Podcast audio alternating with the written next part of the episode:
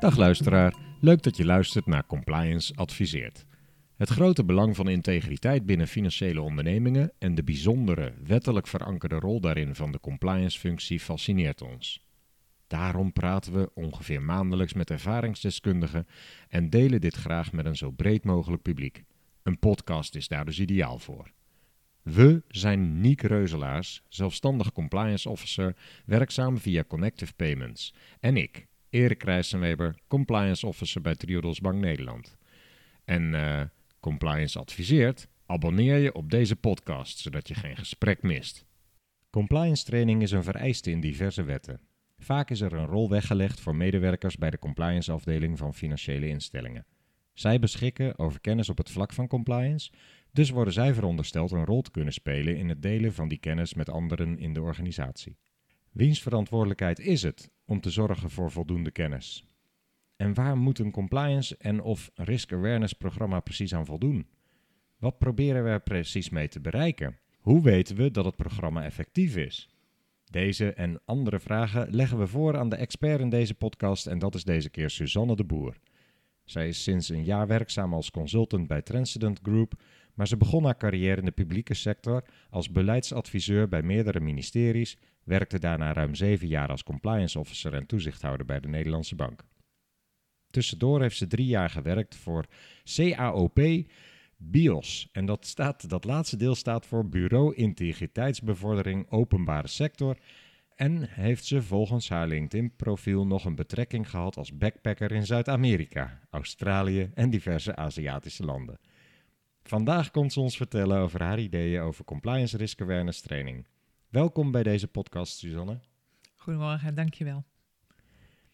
Ik vond het heel leuk dat je in je LinkedIn-profiel ook je backpacking-functie hebt opgenomen. Wat kun, je daar, uh, wat kun je daarover vertellen en wat heb je daarvan precies geleerd? Ik heb hem inderdaad expres opgenomen in mijn LinkedIn-profiel, omdat ik al direct na mijn studie ging werken. En toen, na twee jaar, eigenlijk opeens dacht: is dit het nu? En ik vroeg me af wat ik dan graag had willen doen. En dat was nog een keer op reis gaan. En toen heb ik besloten er een paar maanden tussenuit te gaan. Eigenlijk drie in, in de eerste instantie. En uiteindelijk werden dat er tien. Dat is een hele leuke en leerzame tijd geweest. En de twee belangrijkste dingen die ik daarvan heb geleerd zijn... ten eerste dat je zelf verantwoordelijk bent voor wat je doet en wat je leuk vindt. Hè? Dus ik heb heel erg geleerd als dingen niet bevielen of als je mensen niet prettig vond om dat gesprek aan te gaan of afscheid te nemen en je eigen plan te trekken. En het andere, het allerbelangrijkste is eigenlijk dat de meeste mensen leuk zijn, behulpzaam zijn en vriendelijk zijn. Waar we in Nederland dankzij de media en alles best nog eens het gevoel hebben dat er veel negativiteit is en dat er mensen heel onaardig zijn, merkte je op reis dat er gewoon heel veel mensen behulpzaam zijn, zolang je maar vriendelijk, open en respectvol met ze omgaat. Dus dat heb ik ervan geleerd. En omdat het zo'n duidelijke break was in mijn carrière, heb ik hem wel opgenomen om dat gat te kunnen verklaren. Kaop BIOS. is dat echt de afkorting? Zo, zo, spreek ik het uit? Nou, het, heet, het is het CAOP en uh, daaronder zat BIOS en dat was als volgt. Binnenlandse Zaken vond het belangrijk dat integriteit een prominente plek kreeg binnen de publieke sector. En zij zijn daar toen een programma voor gestart in de vorm van BIOS. Alleen het was wat lastig voor overheidsinstellingen om bij binnenlandse zaken advies te halen over hoe je integriteit in je organisatie kon stimuleren en tegelijkertijd aan binnenlandse zaken te rapporteren over hoe je dat moest doen. En toen is ervoor besloten om BIOS een onafhankelijk bureau te maken, zodat dat de taken van de overheid daarop wat duidelijker werden gesplitst. Inmiddels bestaat BIOS niet meer in die vorm en zijn ze opgegaan in het Huis van de Klokkenluiders. Dus, mm. En daar ben ik niet meer bij betrokken geweest. Dat is na mijn vertrek bij BIOS geweest. En wat was je rol bij BIOS dan precies? Eigenlijk ook algemeen beleidsadviseur. Dus ik dacht mee en schreef mee aan diverse stukken, zoals een handleiding belangenverstrengeling en allerlei documentatie die we hadden, die dan overheidsinstellingen gratis konden opvragen en konden gebruiken om een integriteitsbeleid vorm te geven. En ik gaf ook veel trainingen op het gebied van morele oordeelsvorming in bijvoorbeeld gemeenteraden. Ja, dus, maar als je dus niet in de publieke sector zit, is het niet raar dat je die afdeling niet echt kent? Nee. Nee, oké. Vervolgens kwam je bij DNB in dienst. Wat heb je daar precies gedaan en wat heb je daar opgestoken? Binnen DNB kwam ik eigenlijk in uh, aanraking met het bredere plaatje van integriteit. Binnen de Rijksoverheid was integriteit gewoon het thema. Binnen de Nederlandse bank en de financiële sector kwam het thema in de compliance hoek.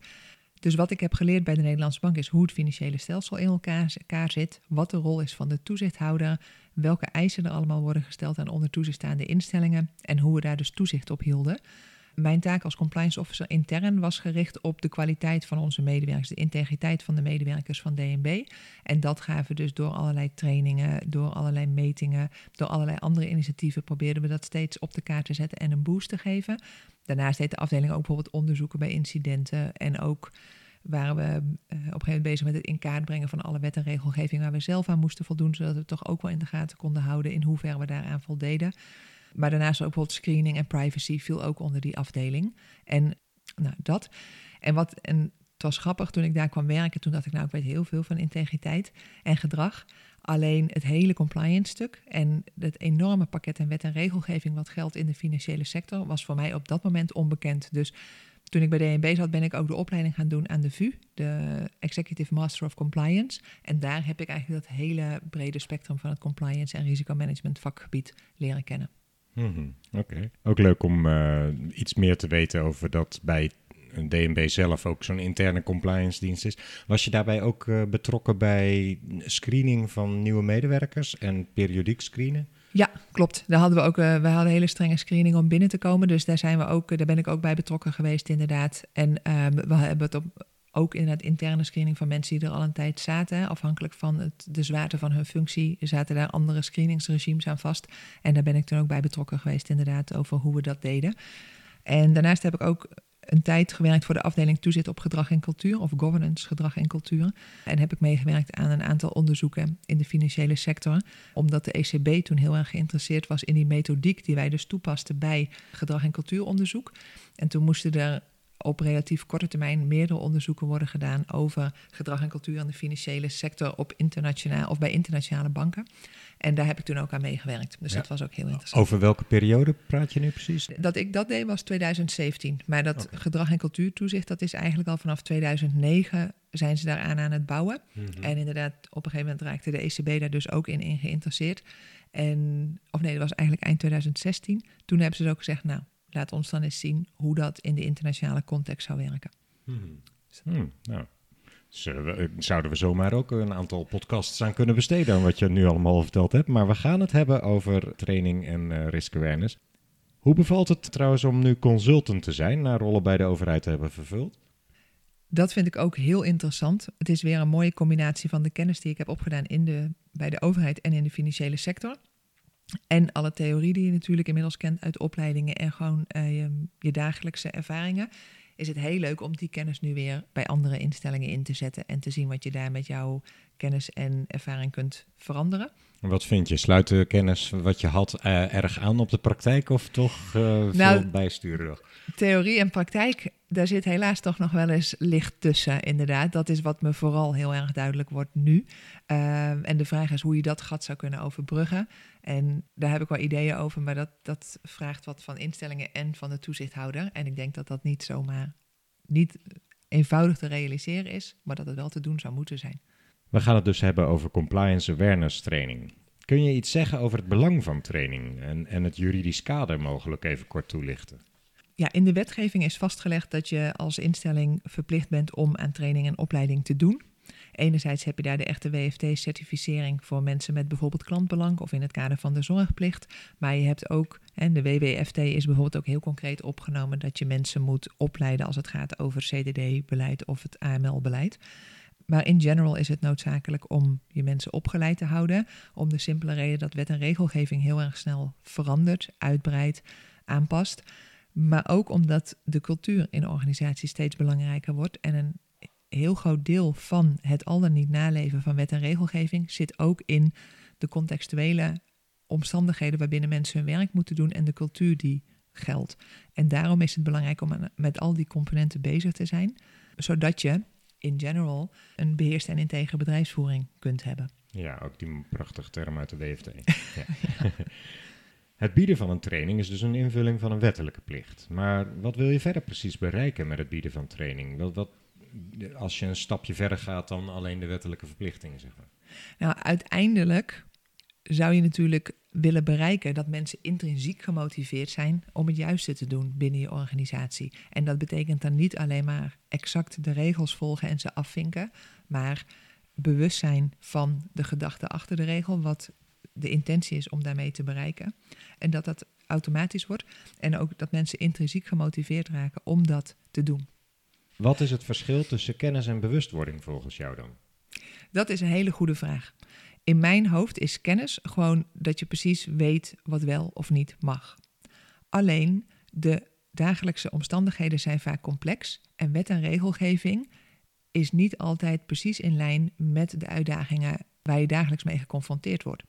Dus is het bewustwordingstukje is juist belangrijk dat je weet, oké, dit is hoe het op zich er staat, hè, wat er van ons gevraagd wordt.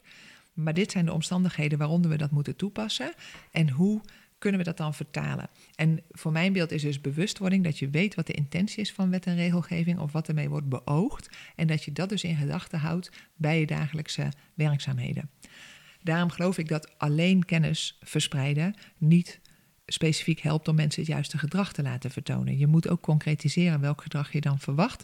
En je moet een cultuur creëren waarin mensen op het moment dat er een gat ontstaat tussen wat de wetgeving zegt en wat de omstandigheden vragen, dat ze daarover in gesprek kunnen gaan en dat je dan met elkaar tot een oplossing kunt komen die nog steeds juridisch kloppend is of in ieder geval verdedigbaar is dat je die keuze maakt. Ja, dus dat zou ook betekenen dat je van toezichthouders mag verwachten dat op het moment dat je kan aantonen, we hebben hier een weloverwogen beslissing genomen om dit pad te kiezen, want we gingen vanuit van onze eigen risicobewustzijn. Maar misschien past het dan toch niet helemaal bij de wet, uh, of, of, is er nog niet iets op bedacht vanuit de wet, dan, dan ziet een toezichthouder dat ook als acceptabel. Nou, ik weet niet of ze het dan als acceptabel zien. Maar dat zou ik wel mooi vinden. Hè? Dat je dus gewoon kunt laten zien, we hebben hier een professionele afweging gemaakt. En dat hebben we met verschillende relevante partijen binnen de organisatie afgestemd. En gezien de omstandigheden vinden wij nu dat dit de beste oplossing is. En dan weten we dat we misschien ergens een stukje missen, maar dat vinden we heel verdedigbaar in het grote geheel. Ja. Kijk, ja, het vergt dus ook van de toezichthouder enige flexibiliteit in de interpretatie van wetgeving. Absoluut. En ook wel op het gebied natuurlijk waar de ontwikkelingen zo snel gaan dat er nog geen wetgeving is. Dat je hmm. juist in een hele goede dialoog elkaars belangen verkent en erkent. En dan dus ziet wat haalbaar is binnen die omstandigheden. Mhm. Ehm, en, en dicht bij het onderwerp van deze podcast, ook uh, bijvoorbeeld de WWFT schrijft voor, besteedt aan, je, je moet aandacht besteden aan training, maar er staat niet heel duidelijk bij eh, op wat voor manier dan. Bijvoorbeeld senior management moet een ander type training krijgen. Of je kan als je het programma opstelt, eigenlijk op basis van de wet nog helemaal niet bepalen of je programma voldoet aan allerlei, ja, of dat een goed programma is. Nee, het zo zeggen. klopt. En dat is ook wel logisch, want een programma kan op ongelooflijk veel manieren worden ingevuld. En iedere instelling heeft natuurlijk met andere thema's te maken. een heel groot stuk is de wet en regelgeving wel hetzelfde, maar wat, hoe een bedrijf, welke producten ze hebben, welke markten ze bedienen, et cetera, dat is allemaal verschillend. Dus dat kun je nooit in de wet en regelgeving vastleggen hoe dat er dan uit zou moeten zien. Hooguit kun je wat richtlijnen meegeven in, zo'n, in de toelichting van de wet en regelgeving, maar meer dan dat is bijna niet te doen. Dus je verwacht daarvan instellingen dat ze er zelf over nadenken van wat zou er dan mee bedoeld worden en hoe gaan wij dat invullen en wanneer vinden wij dat we voldoen aan het bieden van de juiste vorm van training en bewustwordingsactiviteiten, et cetera. Een tweede wat ik ook gewoon nog weet van de toezichthouder is dat ze er regelmatig ook voor kiezen om het juist niet expliciet helemaal voor te kouwen, omdat er juist wordt gestuurd op die intrinsieke motivatie van instellingen om het goed te doen. En op het moment dat je dus helemaal gaat uitschrijven, nou, als u een bewustwordingsprogramma wilt, moeten we het volgende doen, tik, tik, tik, en dan zus en zo. Nou, dan gaan mensen dat invullen en dan zeggen ze, nou, tada, klaar toch? Ja, dan wordt het een vinkjescultuur. En dan wordt het weer de vinkjescultuur, waarbij, en, en dat wil je niet. Plus ook, het is te complex om voor iedereen uit te werken hoe dat eruit zou moeten zien. Is volgens jou bewustwording genoeg om tot gedragsverandering te leiden? Ik denk dat uh, bewustwording wel de knop is om tot gedragsverandering te leiden. Waarbij ik denk dat SEC-kennis van wat, waar we het net over hadden, het binaire, wat zegt de wet, of dat dat niet specifiek voldoende is. Maar als je goed begrijpt wat de gedachte erachter is, wat de intentie is, dat dat beter gaat leiden tot gedragsverandering. Net als wanneer je casuïstiek hoort bijvoorbeeld, hè, dat je denkt, oké, dus daarvoor is dit bedoeld. In deze gevallen kan het dus misgaan. Dan zullen mensen geneigd zijn om tot gedragsverandering aan te gaan. Het mooie is ook als je dat intrinsiek gemotiveerd kan doen. Hè? Dus dat mensen ook denken, oh ja, bij dit bedrijf willen we gewoon niet meewerken aan deze praktijken. Dus dat doe ik ook niet. Het is minder goed, vind ik persoonlijk, om het te uit te gaan van de straf, hè, van de moeten aanpak. Als je dit niet doet, dan gaat dat voor jou persoonlijke consequenties hebben. Dat is niet de mindset waarmee je wilt dat mensen de regels volgen. Je wilt graag dat mensen doen omdat ze het zelf ook belangrijk vinden en dat ze begrijpen waarom het voor het bedrijf zo belangrijk is. Dus we gaan vandaag van jou horen hoe je voor elkaar krijgt dat ze intrinsiek gemotiveerd zijn om het juiste te doen. Dat zou het mooiste zijn als je dat kunt bereiken. En op jouw vraag, heb je bewustwording nodig voor gedragsverandering? Ja, hm. maar je hebt ook nodig dat de context mensen in staat stelt om het juiste gedrag te vertonen. En dan heb je het over computersystemen die gebruikt worden, de targets die gesteld worden, de cultuur in de organisatie, de wijze van aansturing, de tijd die beschikbaar is om je werk uit te voeren. Dat zijn allemaal dingen die ook heel veel effect hebben op het gedrag wat mensen vertonen. En je kan nog heel vaak dingen uitleggen of willen dat mensen dingen leren, maar als we verder de, de omstandigheden niet. Het gewenste gedrag bevorderen. Precies, dan kom je er alsnog niet. Vind je dat een trainer in een financiële instelling zich zou moeten bezighouden ook met de vraag: is de persoon waarvan wij dat gedrag verwachten wel in staat om dat gedrag te vertonen door de systemen en de bonuscultuur en dergelijke? Absoluut. Ik denk dat je als trainer echt moet kijken naar de omstandigheden. En dus ook heel, heel duidelijk moet definiëren wat het gewenste gedrag is. En dan dus ook moet proberen te achterhalen wat de belemmerende factoren zijn om dat gedrag te vertonen. Wat je nu ook mooi ziet bij veel financiële instellingen, is dat er dus ook op de, de groepen die zich bezighouden met training en bewustwording, dat zijn niet alleen maar de hardcore compliance specialisten, maar juist mensen die verstand hebben van de manier waarop je mensen iets kunt leren van sociaal, hè, sociale psychologie, organisatiewetenschappen, pedagogiek. Dat zijn de vakgebieden die je ook veel meer ziet uh, binnenkomen op die functies. En die kijken ook gewoon anders naar het vraagstuk van hoe leiden we onze mensen op. Want wat je net zei in je introductie, hè, de specialist moet zijn kennis maar delen in de organisatie. Dat is niet automatisch de beste manier. Want zeker als jij een specialist bent die heel veel verstand hebt van, van zaken, is het op een gegeven moment zo logisch dat het heel moeilijk wordt om uit te leggen hoe dingen zitten of hoe dingen werken. Dus het is juist fijn als je mensen hebt die objectief kunnen kijken van hoe gaan we die boodschap dan de organisatie inbrengen. Ja, kennis van compliance wil niet per se zeggen dat je begrijpt hoe je het moet overdragen. Precies, precies, in een notendop. Ja. ja. ja. We gaan straks dus in op een compliance awareness training programma, maar kunnen we vooraf al vaststellen wanneer een bewustwordingsprogramma effectief is? Waar, waar moet dat aan voldoen dan? Want ehm. je hebt net die contextuele factoren genoemd. Ja. Dus alleen training zelf is niet voldoende, zeg je dan, denk ik. Nou ja, dat klopt. En dat ligt er ook weer aan. Kijk, sommige dingen kun je wel gewoon vrij zwart-wit brengen. Hè? Dus als er echt nou, het hele verhaal in de tijd rondom de implementatie van de GDPR of de AVG in, in Nederland. De Algemene Verordening Gegevensbescherming. Precies. Dat was gewoon ook een hele hoop kennis die de organisatie in moest van hoe dingen nou moeten gebeuren. En daarnaast moet je dan ook je processen en je systemen aanpassen. Maar dat is wel vrij binair, van dit is nu een nieuwe wet en regelgeving waar we aan moeten voldoen. Dat kun je wel ook met een, gewoon een stuk kennisoverdracht regelen. Maar als je het hebt over bijvoorbeeld het invullen van de zorgplicht of klantbelang centraal stellen en de dilemma's die dat met zich meebrengt, dan is dat niet zo makkelijk te beschrijven wanneer je wat zou moeten doen. Want dat is allemaal ongelooflijk contextafhankelijk. En daarvoor zou je dan dus voor een andere vorm van training kunnen kiezen, omdat het dan gaat over een ander niveau waarop je gedragsverandering wil bereiken. Ja, het is wel grappig dat je precies de AVG als voorbeeld noemt, waarvan ik juist denk dat het niet per se nodig is dat uh, medewerkers alle details kennen. Want ook daar wil je bereiken dat men het juiste gedrag vertoont. Bijvoorbeeld bij een incident uh, melden. Ja, ja dan.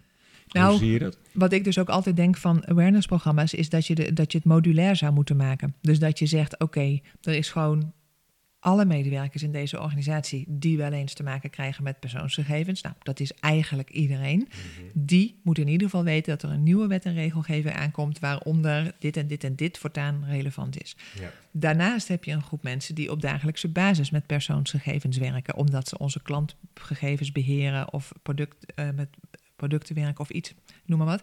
Die zullen meer diepgaandere training moeten hebben over wat er van ze wordt verwacht en wat de consequenties zouden kunnen zijn. En tot slot heb je dan bijvoorbeeld nog de groep managers die die mensen aansturen. Die hoeven niet alle details te weten, maar die moeten wel weer goed op hoofdlijnen weten wat er gaat gebeuren en wat er van hen wordt verwacht. En je hebt bijvoorbeeld de bestuurders die weer moeten zorgen dat het in hun organisatie op de juiste manier wordt geïmplementeerd. Dus als je het dan gaat hebben over een awareness-programma rondom de AVG, dan kun je dus per doelgroep gaan identificeren. Wat moeten Wat- zij weten? Precies. En vooral wat moeten ze gaan doen om te voldoen? Exact. En dan vind ik het altijd het uitgangspunt is dan welk gedrag wil je nu zien van die mensen? Op welk moment moeten ze aan de bel trekken? Waar halen ze hun informatie vandaan? En welk gedrag gaan ze vertonen richting bijvoorbeeld klanten of andere medewerkers of wat dan ook? Mag ik dan concluderen dat je eigenlijk zegt, ja, ook voor de AVG gaat het om het gedrag wat, de me- wat je van de medewerker ver- verwacht. En hoeft kennis niet per se centraal te staan, kennis van de wet. Kijk, ik ken trainingen waar gewoon puur alleen uitgelegd wordt wat de artikelen zijn in de wet. Maar ja, Ja. is dat Nee. effectief volgens jou? Nee, voor een hele hoop mensen helemaal niet. Maar dat, dat moet je dan dus samenvatten van wat is nou die intentie geweest van die wet? Nou, die is erop gericht dat er niet meer informatie wordt eh, ge- eh, verzameld dan noodzakelijk voor waar je het voor nodig hebt. Die is erop gericht dat mensen zelf het beheer kunnen gaan hebben over die informatie. Dus een recht op inzage kunnen vragen, een recht op verwijdering of op aanpassing als dat noodzakelijk is. En dus dat mensen meer in control zijn over hun data en dat instellingen er gewoon meer verantwoord mee omgaan. Dat zijn eigenlijk de hoofdlijnen. Nou, en vervolgens, wat betekent dat dus? Dat je goed mo- moet nadenken over je bedrijf, hoe je je data verzamelt, hoe je het opslaat, wanneer je het weer verwijdert en hoe je dus makkelijk mensen toegang kunt geven tot hun eigen data.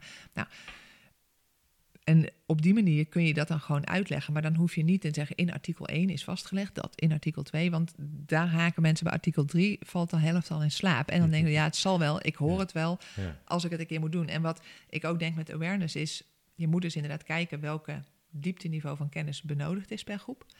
En vervolgens ga je ook kijken hoe gaan we er dan voor zorgen dat ze weten, oh wacht, hier heb ik wel iets over gehoord. Op dit moment in het proces waar ik bij betrokken ben, is dit een key moment waarbij ik even moet checken hoe dat ook alweer zat.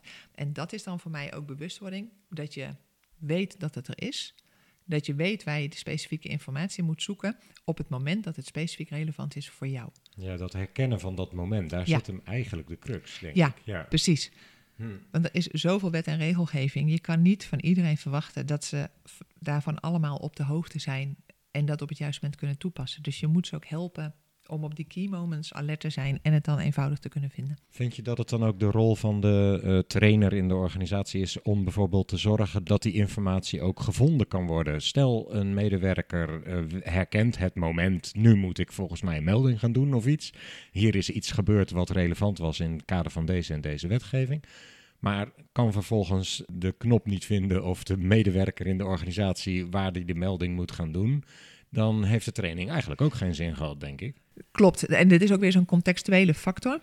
Als al die bewustwording is gecreëerd, moet het ook intuïtief daarna vindbaar zijn. Dus inderdaad, op het moment dat jij denkt, eh, dit gaat niet goed, dan moet je makkelijk dat kunnen melden of advies kunnen vragen. Dus stel je voor dat er echt sprake is van een incident, dan moet er gewoon een rode knop zijn of een meldpagina waarop je dat kunt melden. Aan de achterkant moeten dan de, de bevoegde afdelingen maar verdelen wie het moet gaan oplossen. Als medewerker is het heel vervelend als je dan moet gaan nadenken, is het nou privacy of eigenlijk security Ja, of eigenlijk compliance? Ja, misschien toch wel algemeen. Ja, nou, zoek, zoek, zoek, koffie halen en dan Het moment is alweer voorbij. is het moment eigenlijk al voorbij, weet je.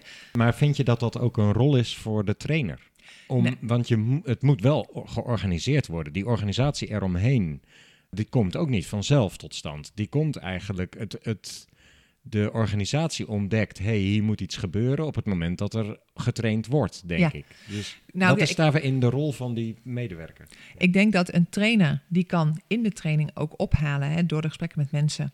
Bijvoorbeeld, of eh, het ligt natuurlijk wel aan de vorm in welke mate van interactie er is. Maar ik denk dat je dus bij het vormgeven van een training ook altijd moet denken aan de context waarbinnen mensen hun werk moeten doen. En vervolgens kun je zo kijken aan welke knoppen moeten we nog meer draaien dan sec het geven van deze training. Ik weet niet of dat specifiek de verantwoordelijkheid is van de trainer, maar wel van de hele compliance groep die daarbij hoort. En ik zou dan met name ook gedragsspecialisten mee laten kijken, om, te, om dus te bedenken van als we dit gedrag willen, wat hebben we daar dan allemaal voor nodig? En dan te zorgen dat dat dus ook dan er is. Want Alleen de trainer kan daar niet voor verantwoordelijk zijn. Maar dat is wel een belangrijk kanaal om signalen van de medewerkers op te pikken. Ja, het vergt dus eigenlijk nog best behoorlijk wat van een medewerker die die trainingen moet gaan uh, organiseren. Want je moet de wet goed genoeg begrijpen om ook te weten hoe die toegepast moet worden in de praktijk. Ja. Uh, je moet weten hoe mensen leren en hoe de context in elkaar zit. Dat, dat, dat is nogal wat. Is dat te doen voor één persoon? Of? Dat is een uitdaging denk ik. Maar je hoeft het ook niet alleen te doen, natuurlijk. Als, als je geluk hebt en je hebt een team om je heen, dan kun je de taken verdelen. Want de een zal heel goed zijn in het doorgronden van zo'n wet. De ander zal heel goed zijn in het vertalen naar de dagelijkse praktijk. Waar je het liefst natuurlijk ook weer aansluit met mensen die in die dagelijkse praktijk zitten. Zodat je ook weet welke uitdagingen zij daarin uh, treffen. En daarnaast kan je weer iemand anders hebben die het bijvoorbeeld weer heel goed op papier kan zetten. Of die weer heel goed een trainingsvorm kan bedenken. Want daar hebben we het nog niet over gehad. Maar je kunt natuurlijk ook heel veel vormen kiezen om die kennis over te dragen. En als je het weer alleen hebt over gewoon de feitelijke kennis, kun je een andere vorm kiezen dan wanneer je echt een gedragsverandering wilt gaan bewerkstelligen. Oké. We hebben al behoorlijk veel aan de context nu uh, tijd besteed. En uh, overigens zeer relevant, denk ik. Maar nu gaan we het hebben over dat uh, compliance awareness training. Als ik echt een compliance awareness training ga opstellen, uit welke elementen moet dat plan dan volgens jou bestaan? Nou, een eerste stap is altijd het bepalen van de doelgroep en vaststellen wie je wilt gaan bereiken en welk gedrag en of welk kennisniveau je van die doelgroep verwacht. Dus we hadden het net in de context van de AVG al over de gewone medewerker die wat wel eens in aanraking komt met persoonsgegevens. Je hebt nou ja, een groep die er dagelijks mee werkt. Je hebt managers, je hebt bestuurders bijvoorbeeld. Hè. Dat is een indeling die je kunt maken en zo zijn er veel te maken. Mhm. Dat is het eerste. Het tweede is dat je dan heel concreet wil vastleggen...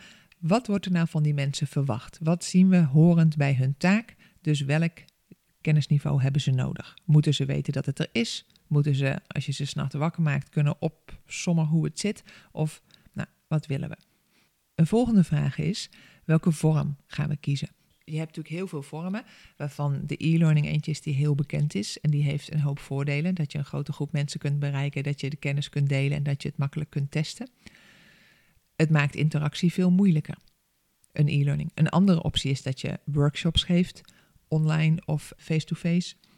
Maar wat je nu ook vaker ziet is bijvoorbeeld gamification. Dat is een soort spelvorm waarin mensen in situaties worden geplaatst en bepaald gedrag moeten vertonen of keuzes moeten maken of ze iets al dan niet doen escape rooms is ook iets wat je nu vaak ziet. Digitale escape rooms of gewoon ook wel soms fysieke escape rooms. Die dan allemaal gaan om vraagstukken rondom bijvoorbeeld informatiebeveiliging. En zorg je dan dat de medewerkers wel eerste kennis aangeboden krijgen, zodat ze in die gamification die opgedane kennis kunnen gebruiken? Of ga je ze gewoon loslaten en... Uh... Ja, dat, dat, dat, moet je, dat kun je dan ook opbouwen. Dus je kunt bijvoorbeeld zorgen dat mensen eerst gewoon geïnformeerd worden over dat er iets nieuw, nieuwe wet en regelgeving aankomt en wat dat dan zou betekenen. Je kunt dat ook wel in de game bijvoorbeeld verstoppen. Alhoewel je dan weer moet afvragen hoe groot de informatieoverdracht is die je wilt bereiken. Want een game is weer meer gericht op soort gedragsverandering of effecten van je gedrag zien. Waarbij een e-learning beter geschikt is om kennis over te dragen. Maar ik heb mhm. laatst ook een keer een escape room gezien waar dan halverwege kon je om tijd te winnen, kwamen er tien vragen. En als je de vragen goed beantwoordde, dan kon je heel snel door. Als je een vraag fout beantwoordde, dan moest je een halve minuut wachten. Nou, mhm. en dat was ook een grappige methode om eventjes een aantal structurele stukjes informatie over te geven. We gaan nu al wat verder in op uh, gamification, maar even terug naar dat uh, compliance awareness training. Je hebt gezegd, uh, bepaal je doelgroep, bepaal wat je precies van ze verwacht, bepaal de vorm. Zijn er nog andere onderdelen van het compliance awareness programma waar ik aan moet denken? Ja, een belangrijk is natuurlijk nog het moment, het moment waarop je het doet. Het moment in het jaar, als, of is het als er gewoon nieuwe wet en regelgeving komt. Maar ook wel rondom de feestdagen zijn bijvoorbeeld momenten of juist, nou, er kunnen allerlei momenten zijn in een organisatie waarop je kunt aanhaken om zo'n training te doen of een awareness activiteit te doen. En um, de frequentie is belangrijk. En Kun je iets in het algemeen zeggen daarover? Of is dat heel erg per onderdeel van het plan afhankelijk hoe je dat dan invult? Want je noemt feestdagen bijvoorbeeld als moment. Waarom feestdagen? Feestdagen is altijd een goed moment als je het gaat over de gift policy die veel bedrijven hebben over het accepteren van cadeautjes. Want ja, rondom kerstmis is dat het meest belangrijke moment. Wanneer is het relevant, het onderwerp? Ja, Ja. en dan gaat het ook weer over het moment waarop je die kennis aanbiedt. Op, het moment dat, op het moment dat mensen daar behoefte aan hebben om het even te weten. Of het moment dat mensen even opgefrist moeten worden van dat ze weer alert zijn. En, en bepaal je dan als eh, programma-owner, zeg maar, wanneer mensen dat aangeboden krijgen? Of zou het ook denkbaar zijn, of zie, zie je dat wel eens in de praktijk, dat de mensen zelf een training gaan opzoeken die ze op dat moment denken nodig te hebben? Of is dat een rare nee, benadering? Dat, dat zou natuurlijk het ideale situatie zijn. Maar dan denk- heb je intrinsieke motivatie, toch? Ja. Klopt inderdaad. Ja, nee, het mooiste zou zijn om zelf gewoon even vanuit je functie op die awareness te sturen. Omdat je toch mensen gewoon in de waan van de dag dat vaak kunnen vergeten. En dat is geen kwaadwil. Dat is gewoon omdat er al zoveel van ze wordt gevraagd op andere gebieden. Dus daarom heb je als compliance wel de taak om op die key moments eventjes dat te adresseren. Toen je vertelde, je moet beschrijven wat we verwachten van bepaalde doelgroepen. Wat verwacht je precies van het echte senior management op dit vlak? Nou, dat is natuurlijk ook best een cliché, maar voorbeeldgedrag is gewoon echt heel erg belangrijk van het senior management. Dat is één ding. Ik denk daarnaast is dingen bespreekbaar maken. Een hele andere belangrijke van het senior management is bespreekbaar maken wat ze verwachten. Waarom ze het belangrijk vinden dat er aan, aan wet en regelgeving wordt voldaan. Of waarom ze verwachten dat mensen bepaald gedrag vertonen voor de cultuur. Het is ook belangrijk dat managers zelf durven te vertellen als ze ergens tegenaan lopen of ergens moeite mee hebben. Zodat hun dilemma's ook duidelijk worden. En het voor medewerkers ook laagdrempeliger wordt om dilemma's te delen. En ook managers zullen ook moeten aanspreken op het moment dat er toch dingen gebeuren waar ze niet over te spreken zijn. Of die niet in lijn zijn met de gewenste cultuur of het gewenste gedrag. Oh, dit vind ik bijzonder interessant. Je, noemt nu een aantal aspecten die meer te maken hebben met organisatiecultuur en de toon at the top, zeg maar. Je benadrukt niet dat ze bepaalde specifieke kennis nodig hebben. Dit is voorbeeldgedrag. Dit, dit is, en zou je daar ook op willen trainen? Op wat voor manier geef ik nou het juiste voorbeeld? Is Ja. dat ook een onderwerp voor training voor senior management? Want die kennis, dat was eigenlijk al een aanname van mij, hè, omdat we dat net al zeiden, dat ze vaak een doelgroep zijn. Dus ik ga ervan uit dat ze zelf weten welk gedrag hun team moeten vertonen of welke kennis hun team moet hebben. Ook weer hoeven ze dat misschien niet helemaal zelf dat in detail te weten, maar ze moeten wel weten, mijn mensen hebben met die en die en die wet en regelgeving te maken. En ik wil deze cultuur in mijn team qua hoe we met elkaar omgaan, hoe dingen bespreekbaar zijn, et cetera. Ik denk dat je dus managers heel goed daarop kunt trainen. Of dat je daar ook echt aandacht aan moet besteden aan hoe bereik je dat nou in je team. En dat heeft twee redenen. De eerste reden is dat is gebleken. Is een heel mooi onderzoek geweest van Wieke Scholte, een oud collega van DNB. Dat de cultuur binnen een team vaak veel bepalender is voor het gedrag van mensen dan wat de organisatie op hoog niveau aangeeft te verwachten van mensen. Want dat wat je dagelijks om je heen ziet, dat is wat je zelf ook snel gaat doen. Ja. Of waar je op een gegeven moment aan ontsnapt als je er niet in kan vinden en dat je weggaat. Maar in general is dat de lat eigenlijk waar mensen naar kijken. En de manager heeft daar veel invloed op hoe dat gaat binnen een team.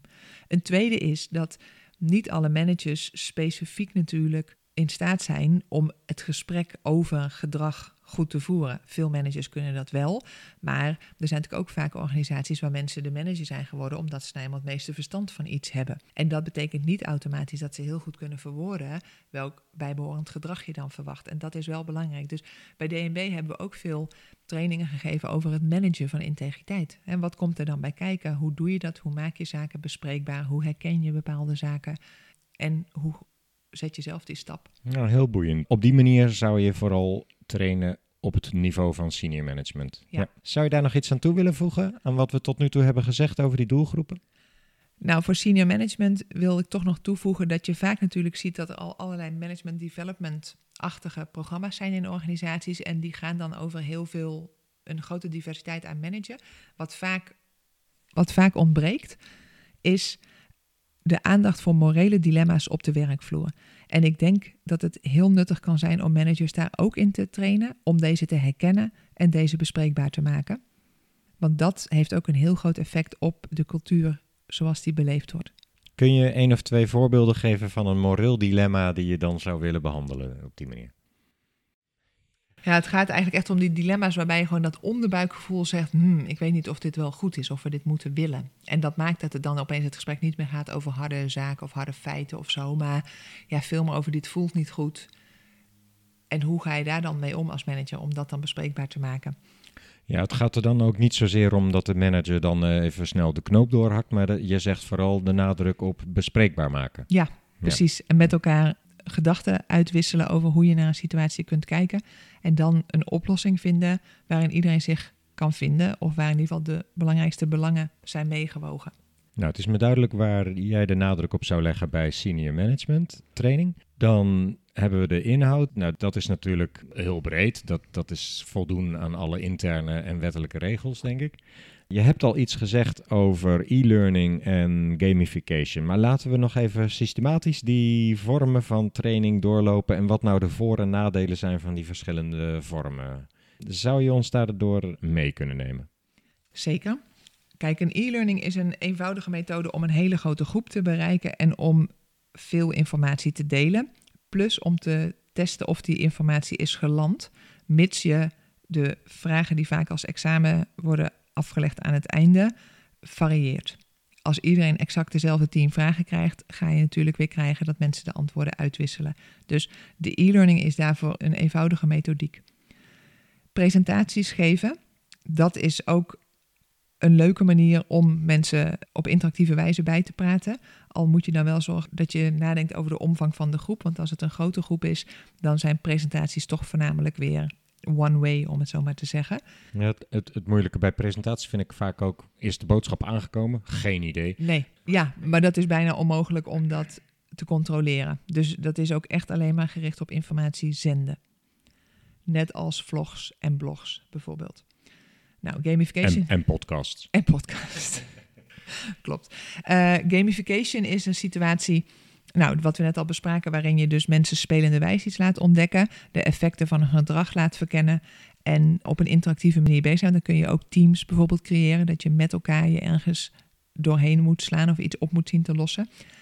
Voordeel is dat het dus heel leuk en spelende wijze is. Nadeel is dat het vaak wel kostbaar is om, er om een game te maken voor je organisatie. Zowel omdat je dus een externe partij moet inschakelen vaak om dat te doen, als omdat je heel goed vanuit je bedrijf zelf moet bepalen wat dan de inhoud moet zijn. Dus je moet heel vaak heel veel content aanleveren mhm. om bepaalde scenario's uit te werken. Ja, en als dus je dat eenmaal hebt laten ontwikkelen, is er ook niet meer zo heel erg veel flexibiliteit om te zeggen we, we veranderen een vraag of iets. Precies, je kan hem.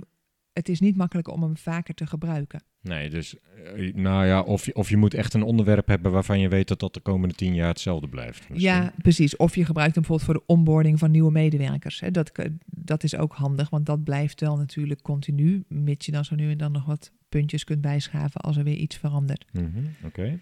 Nou, dan klassikale training. Dat kan gewoon helpen om het veel meer interactief te maken. Dus dat kan zijn als, als het om hele specifieke informatie gaat, of juist dilemma-sessies. Dus dat, dat doe je vaak in de groepen morele dilemma-sessies. En daar ben ik zelf ook altijd heel groot voorstander van, omdat je dan met mensen in gesprek gaat over situaties die zich kunnen voordoen en hoe je die zou moeten oplossen. Dat is een vrij laagdrempelige wijze.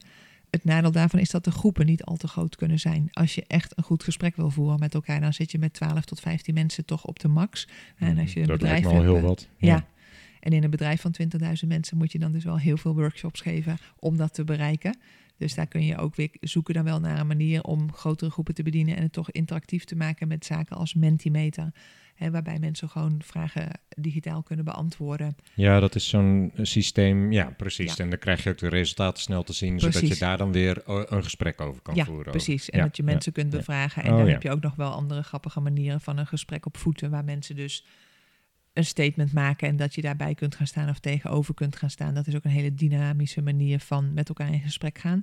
Alleen ook dat is weer met een man of twintig stopt dat weer. Ja, het vergt van de trainer overigens ook wel weer een andere insteek. Een e-learning bereid je goed voor en kan je 15 keer testen, staat alles te goed. Maar bij een dilemma-sessie ja, kan er iets gebeuren waarvan je zelf ook niet meteen het antwoord nee, weet. Nee, daar heb je ook dus aparte dat is ook wel weer een apart vak om dat soort trainingen te geven. Dus je kunt ook weer kijken, dus, en dan zit je weer bij je doelgroep en wat wil je bereiken.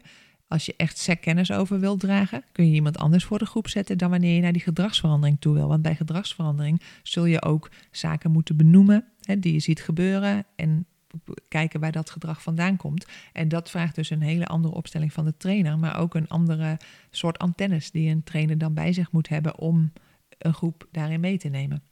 Wat vind je van aanwezigheid van de manager in een dilemma-sessie of een workshop? Persoonlijk ben ik daar wel groot voorstander van, omdat je dan als manager ook weet wat er in je team speelt en als team ook te weten komt hoe je manager dingen ziet. En ik zou het een lastig signaal vinden als je zegt we halen ze juist uit elkaar, want dan creëer je een afstand. Er kunnen situaties zijn waarbij er iets, in de, iets scheef zit tussen team en manager. Ja, en dan kan het juist weer lastig zijn om de manager erbij te hebben. Ja, maar... dus de manager weet dat als die apart gehouden wordt, dat het dan niet...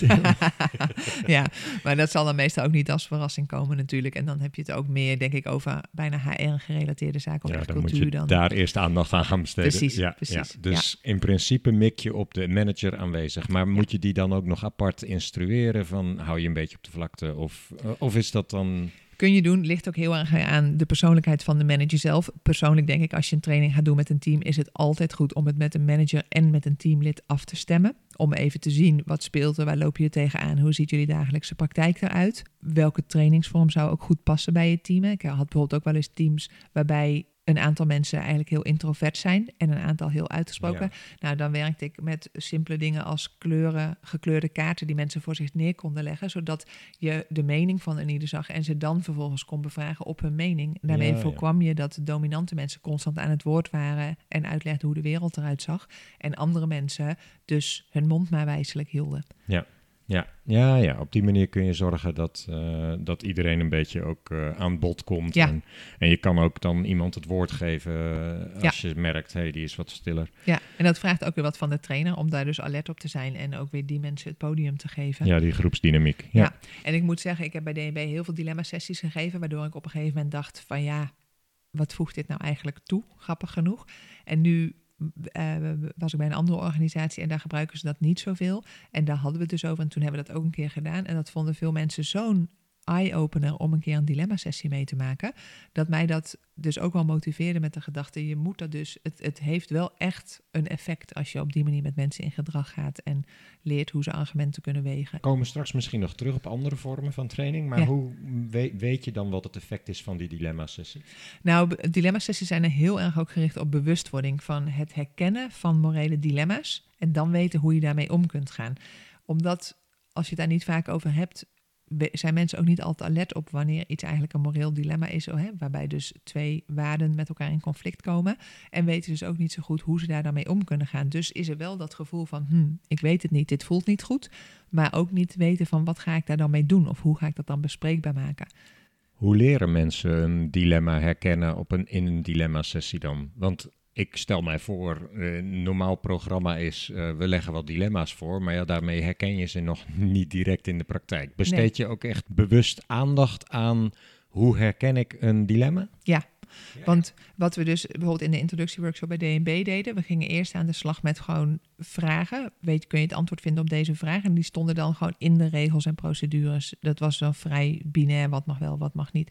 En vervolgens gingen we dan aan de slag. Maar wat nu als het niet ergens is vastgelegd? Als je niet zwart op wit kunt vinden wat er van je wordt verwacht en je dus zelf een besluit moet nemen. Nou, dan hebben we onze kernwaarden die leidend zijn. Maar kernwaarden kunnen ook met elkaar in conflict komen. Nou, en dan beschreef ik een voorbeeld waarbij dat dus zou kunnen. Uh, en dan vroeg ik mensen wat ze dan zouden doen. En vervolgens gingen we dan, gebruikten we dat als startpunt om te zien, oké, dus een moreel dilemma ontstaat als twee waarden met elkaar in conflict komen en jij een keuze moet maken wat je gaat doen, waarbij je weet, als ik voor het ene kies, doe ik de andere schade en als ik voor het andere kies, doe ik de ene schade. Maar Ja. voor allebei is wat te zeggen. Nou, en dan vroeg ik mensen, heb je dit wel eens meegemaakt? En doordat je dus dan een voorbeeld had gegeven en het had toegelicht, kwam er een enorme bak aan informatie vaak op tafel. Waarbij ik dus ook vaak bewust niet vroeg naar, stel je nou eens voor, je zit in een situatie en iemand vraagt jou dit of dat te doen. Want dan zegt iedereen, nee, natuurlijk doe je dat niet. Alleen, als je zelf in zo'n situatie zit, dan is het opeens lastig. Dus daarom gebruikte ik eigenlijk altijd dilemma's van mensen uit de groep. Want dan ging het ergens over en dan had iemand die buikpijn gehad of die zat nog steeds met zo'n situatie. En dan wordt het interessant om het erover te praten. Dus het is ook echt belangrijk om in je voorbereiding goed aan te sluiten bij wat er leeft in de, in de, in de team. Ja. Ja. en bij de uitvoering is het belangrijk dat je het gevoel creëert dat mensen dit kunnen delen. En dat je ook van tevoren afspreekt dat wat in de zaal gedeeld wordt, dat dat ook in de zaal blijft. Zodat mensen ook eerlijk kunnen vertellen wat ze wel eens heeft bezig gehouden. En dat mensen niet denken van, ik weet niet wat er met deze informatie gebeurt, dus ik zeg maar niks. Interessant. Ja, dat zijn de specifieke aandachtspunten voor als je een dilemma-sessie eh, voorbereidt. Zijn er nog andere punten waar je aan moet denken op het moment dat je dat wil doen? Nou goed, de omvang van de groep is dan belangrijk. Het moment op de dag, de tijdsduur. Ik zou er ook voor, voor dilemma-sessies kun je in een uur al heel ver komen. Als je ook nog helemaal wil uitleggen over wat is het nou precies enzovoort, dan kan anderhalf uur ook nog beter zijn. Dan heb je wat meer ruimte. En welk tijdstip op de dag zou je suggereren? Ik zou niet helemaal naar het eind van de dag gaan, want dan zijn mensen vaak al enigszins vermoeid. En dan merk je dat de aandacht er dus ook wat minder bij is. En ik zou er ook niet ochtends als eerste ding op de agenda mee starten. Dus ik zou zeggen de momenten voor de lunch. Of tijdens de lunch? Of de, en tijdens de lunch is helemaal ideaal. Ja, want heel veel zit je toch ook wel te luisteren naar wat anderen vertellen. Dus het is heel leuk om lunchsessies te doen waarin je morele dilemma's bespreekt. Juist tijdens de lunch hebben mensen even niks te doen, geen werkafspraken. Dus dan is dat juist een mooi moment om aan zoiets deel te nemen. Nou, en als je dan precies één broodje minder neemt dan het aantal deelnemers, heb je meteen een dilemma. Oké. Waren er nog andere vormen van trainingsmethodieken die je zou willen bespreken? Nou, wat ik ook altijd nog leuk vind, is uitgaan van de realiteit. Dus wat we bijvoorbeeld ook wel eens hebben gedaan, nog bij DNB. Daar hebben we een film laten zien van het Fraude Filmfestival. Over een thema wat heel relevant was, ook voor de financiële sector in Nederland. En dan kijk je dus met elkaar een film. En vervolgens ga je dan in gesprek met experts over wat vinden we daarvan? Zou het hier kunnen gebeuren? Hoe gaan we dat voorkomen? En dan heb je ook op basis van een nieuw soort informatie, heb je weer met elkaar een gesprek. Dus dat, dat is ook gewoon weer verfrissend om vanuit zo'n eh, bril te kijken. Eh, en daarnaast heb je natuurlijk ook gewoon nudging, wat niet echt training is, maar waar- waarbij je de context ook dusdanig aanpast dat mensen ook makkelijker het juiste gedrag gaan vertonen. Ja, want we hebben het eerder in de podcast gehad over die contextuele factoren. Bij nudging ga je ook echt kijken naar die context. Dat is heel erg gericht op de context. Ja, dat is heel erg gericht op het intuïtieve aanspreken van de medewerker, zodat hij automatisch het juiste doet. Ja, nou de psychologie erachter kunnen we denk ik niet helemaal in de podcast behandelen, maar eh, nudging staat ook veel over internet op te vinden. Het is wel heel boeiend. Is nudging ook echt iets wat een trainer toepast in de organisatie? Want Nee, ik, ik, mis- begrijp, ja, ik begrijp dat, je dat, dat, je, dat dat kan werken om gedrag te beïnvloeden en om de contextuele factoren te, be- eh, goed op aan te sluiten, maar dat, je kunt er zo weinig mee als trainer volgens mij. Klopt. Dat klopt. Het gaat ook meer vanuit de compliance functie in general. Dat je dus kijkt naar de contextuele factoren en waar kun je dan aan draaien om het mensen makkelijker te maken om het juiste gedrag. Dus wat we net bespraken, zo'n rode knop voor het melden van wat voor incident dan ook, dat is een stukje nudging. Want als je die rode knop ziet, vaak op de website, dan zit die in je hoofd van, oh ja, daar kan ik wat melden. En dan doen mensen dat dus ook makkelijker. Om, Ja. Ja. Je zou je wel kunnen voorstellen dat je als compliance officer een monitor uitvoert op in hoeverre werken de contextuele factoren in het voordeel van integriteit van de organisatie. Ja. En dan zou je kunnen gaan adviseren richting leidinggevenden, gebruik meer nudging. Ja, precies, precies. Dat zou je kunnen doen. Is het mogelijk om bewustwording en gedragsverandering te meten? We hebben het al iets over gehad, over de effectiviteit van zo'n eh, dilemma-sessie bijvoorbeeld. Maar op wat voor manier zou je kunnen weten dat je trainingsprogramma effectief is? Dat is een goede vraag die niet zo makkelijk te beantwoorden is. Enerzijds heb je natuurlijk de e-learnings waar we het net over hadden, waar je in ieder geval kunt meten of mensen de juiste antwoorden hebben, of ze dus de juiste kennis hebben opgedaan. Maar dan weet je nog niet of ze dat ook toepassen in de praktijk en of ze dat over 1, 2, 3 maanden nog weten. Als het gaat over gedragsverandering, dan kun je dat wel indirect meten door bijvoorbeeld de cultuurmeting of door medewerkertevredenheidsonderzoeken of door het aantal incidenten wat plaatsvindt. Maar het is moeilijk om daar echt een Kausaal verband te vinden. precies, precies. Dus dat maakt het ook lastig. Als je nou naar die verschillende vormen die we hebben besproken kijkt, vind je dan dat je pas een compleet programma hebt als je alle verschillende vormen gebruikt ook?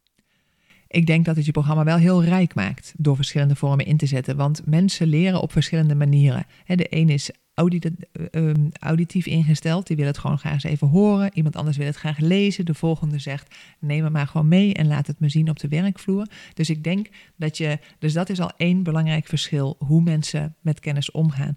Een tweede is het moment waarop je het aanbiedt en ook de vorm. Dus je kunt enerzijds kiezen voor dus klassikale trainingen, maar daarnaast kun je ook bijvoorbeeld regelmatig updates geven via internet met korte berichtjes dat het weer top of mind wordt bij mensen. En ik denk dat wanneer je meerdere vormen inzet, dat je dan dus ook een rijke programma geeft, waardoor het op verschillende manieren bij mensen langskomt, zodat ze het zeker wel in een vorm op moeten pikken. Dat benadrukt volgens mij ook wel het uh, belang van het echt een goed programma opstellen. Want anders vergeet je dat je op een gegeven moment ook weer eens een keer iets moet uh, herhalen of zo. Absoluut. Je moet eigenlijk echt een jaarplan maken. Waarin je ook de verschillende thema's uitzet. En de verschillende activiteiten per thema uitzet. Zodat je niet in maart vijf e-learnings te maken hebt. En het rest van het jaar niks bijvoorbeeld. Dat, dat, dat is belangrijk om over na te denken. Want dan hou je een soort uh, algemeen level omhoog. Dan wanneer het een enorme piekbelasting heeft en dan weer niks. En wat ook belangrijk is daarin, is op het moment dat je het programma gaat vormgeven, dat je echt kijkt naar welke partijen je daarvoor nodig hebt. Het kan niet. Het is niet verstandig om er alleen een compliance feestje van te maken. Maar het is ook handig om met bijvoorbeeld mensen van HR te schakelen en mensen van specifieke disciplines waar iets relevant is. Ga eerst ook kijken wat de informatiebehoefte is en waar ze tegenaan lopen, zodat je dat kunt meenemen in de vormgeving van jouw programma.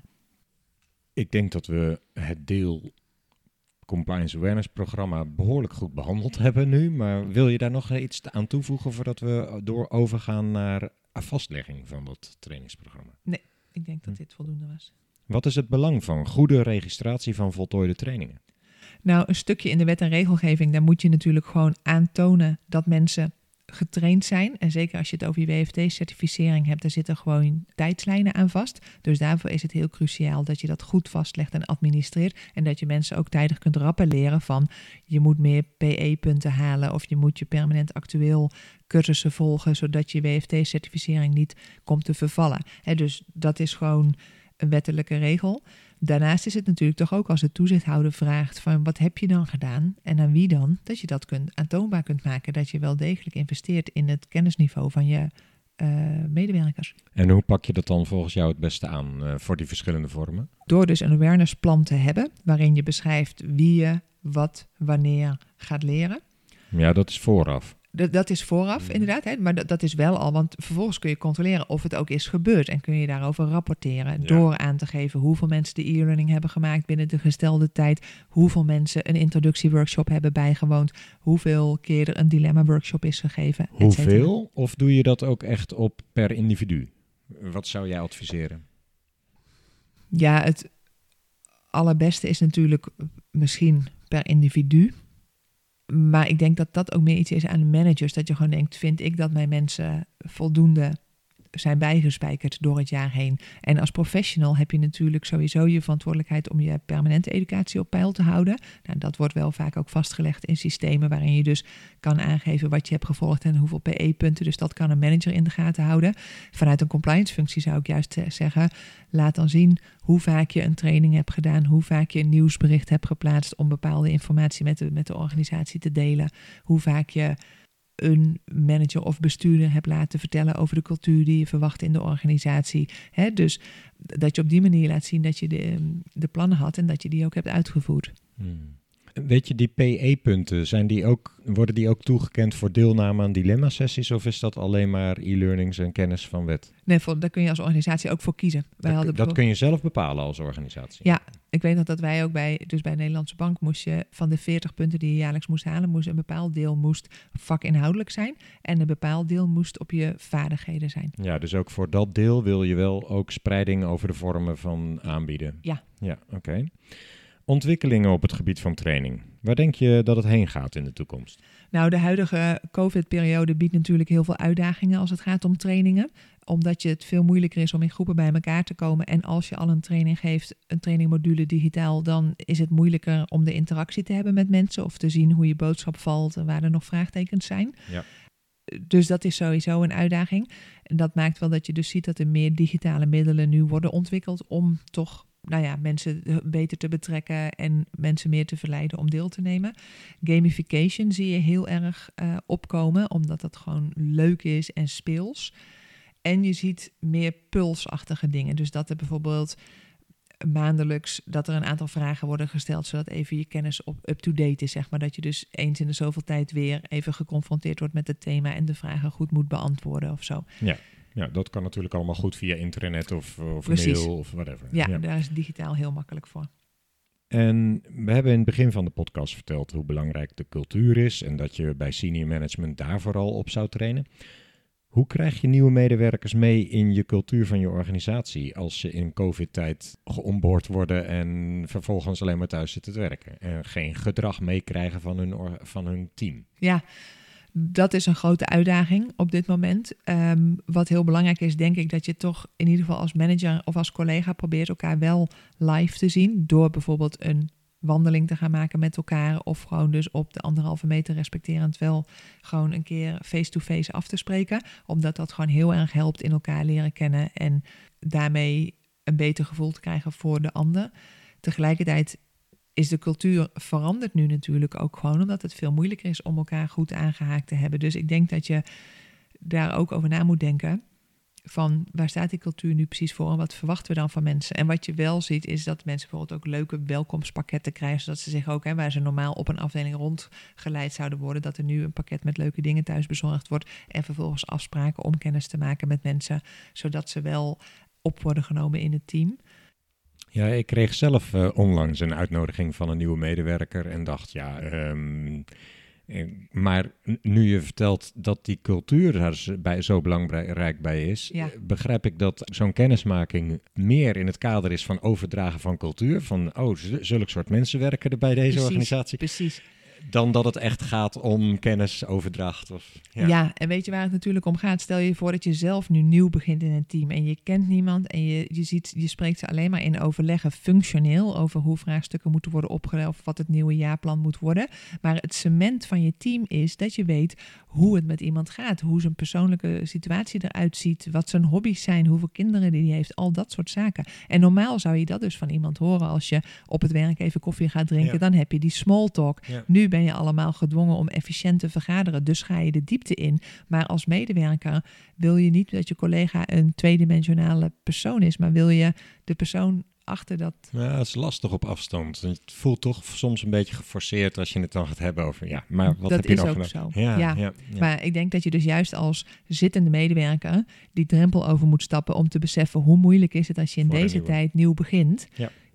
Ja. En dan de hand moet reiken. Dankjewel uh, tot zover. Wil je aan wat we zo uh, juist hebben besproken nog iets toevoegen voordat we naar de laatste vraag gaan? Nou, er is ontzettend veel voorbij gekomen en ik heb heel veel verteld.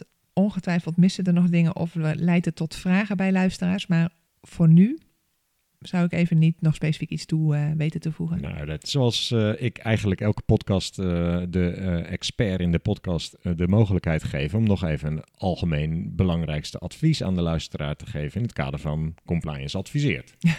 ja, goeie. Um, nou, wat ik eigenlijk een van de belangrijkste adviezen vind aan compliance officers in general is besef dat je met mensen te maken hebt die ook hun uiterste best doen alleen soms net iets anders naar de wereld kijken dan jij. Uh, en wees menselijk. Dus ik had altijd een, een collega die zei altijd zo mooi: we zijn niet van de afdeling computer says no. En dat vind ik ook heel belangrijk. Dat je in gesprek gaat, dat je, dat je ook een gezicht hebt voor de mensen waarvoor je de compliance officer bent. Zodat het makkelijker en laagdrempeliger is om compliance om advies te vragen. En ook makkelijker is om dus mee te denken te zien wat mogelijk is en ook het comfort te hebben om te zeggen en dit is niet mogelijk, dus zo kan het niet. Dankjewel. Ja, het sluit wel erg aan bij wat ik onlangs in een klanttafelsessie ooit zei compliance mensen zijn ook maar mensen. Ja. het was echt een eye-opener. Nee, en dat gaat twee kanten op. Want soms denken mensen dus van ja, die mensen van compliance, die zitten er gewoon op om ons in te snoeren en hè, moeilijk te doen. Maar het is niet. We zijn er niet om moeilijk te doen. We zijn er om de organisatie te helpen op een duurzame wijze zijn diensten te kunnen verlenen. En dat betekent dat je soms een beetje streng moet zijn. Maar je doet dat altijd uit het lange termijnvisie voor de organisatie. Het is eigenlijk bijna net als kinderen opvoeden. Vaak ben je streng en ben je niet specifiek leuk voor je kind, maar het heeft wel een lange termijn doel, wat als het goed is, uit gaat komen. Nou, ehm, voor mensen die veel pubers in de organisatie hebben en kinderen op moeten voeden, sterkte. maar het is wel een uh, bekende vergelijking inderdaad. Hartelijk dank voor uh, al je informatie en voor deze bijdrage in deze podcast. Ik vond het beren interessant en de volgende podcast verschijnt waarschijnlijk binnenkort alweer. Wil je hem niet missen, volg de Compliance Adviseert pagina op LinkedIn. En graag tot volgende keer. Bedankt voor het luisteren.